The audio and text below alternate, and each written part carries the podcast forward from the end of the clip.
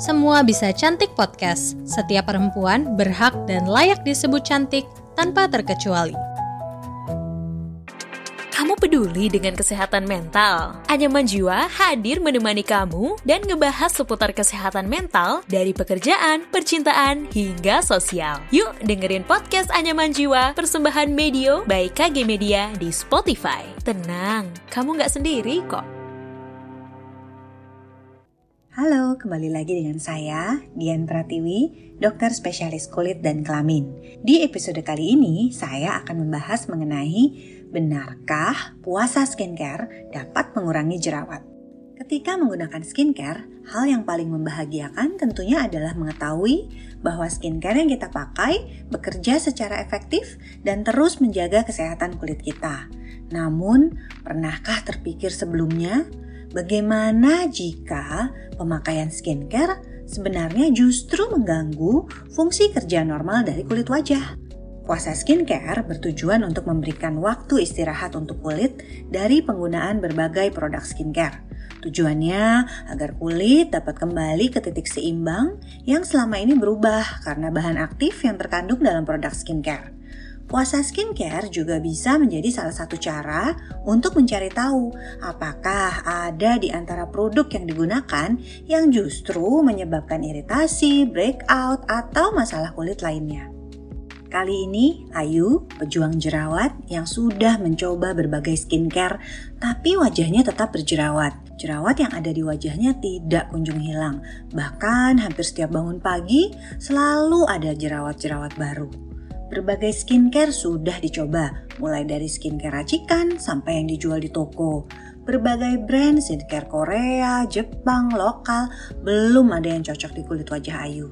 Lantas, apakah puasa skincare dapat mengobati atau mengurangi jerawat yang tumbuh di wajah atau mengembalikan kondisi keseimbangan kulit?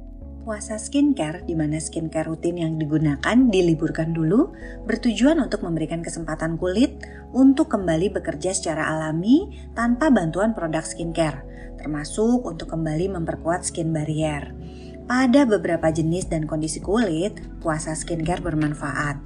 Namun, tidak semua jenis kulit perlu melakukan puasa skincare berkala pada kulit sensitif atau yang sedang kering, iritasi, merah mengelupas akibat skincare yang digunakan, maka puasa skincare akan bermanfaat. Namun, pada kondisi kulit seperti jerawat yang belum stabil, acne prone skin, flek hitam atau melasma, eksim, rosacea, atau kelainan lain yang membutuhkan bantuan bahan aktif dalam skincare, maka puasa skincare malah berpotensi men-trigger kambuhnya atau makin parahnya masalah kulit. Pada kasus jerawat yang belum stabil, alih-alih sembuh malah bisa breakout dan muncul jerawat-jerawat baru loh. Teknik puasa skincare sendiri dapat dilakukan dengan berbagai cara sesuai dengan kondisi. Pada kulit iritasi, hentikan semua produk dan kembali ke basic skincare dengan gentle cleanser, gentle moisturizer, dan sunscreen di pagi hari hingga kulit kembali sehat. Untuk yang curiga ada produk yang tidak cocok, maka stop satu demi satu produk untuk menemukan produk mana yang sebetulnya memicu iritasi atau breakout jerawatmu. Untuk yang menggunakan produk racikan dokter, sebaiknya berkonsultasi dulu dengan dokter sebelum melakukan puasa skincare.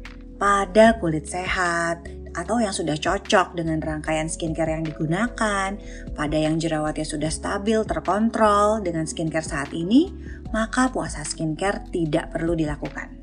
Akhir kata, puasa skincare diyakini akan membuat kulit bernapas bebas sejenak setelah sebelumnya terus terkena bahan aktif dari produk skincare. Walaupun berpotensi baik bagi kulit, perlu diingat bahwa puasa skincare belum tentu dibutuhkan oleh kulitmu. Apa pun teknik puasa skincare yang dipilih, selalu amati dan dengarkan kulitmu. Dan yang terpenting, jangan lupa sunscreen tetap wajib ya. Terima kasih sudah mendengarkan episode ini. Jangan lupa follow dan beri rating untuk podcast Semua Bisa Cantik. Saya Dian Pratiwi, dokter spesialis kulit dan kelamin. Sampai berjumpa di episode selanjutnya. Salam kulit sehat.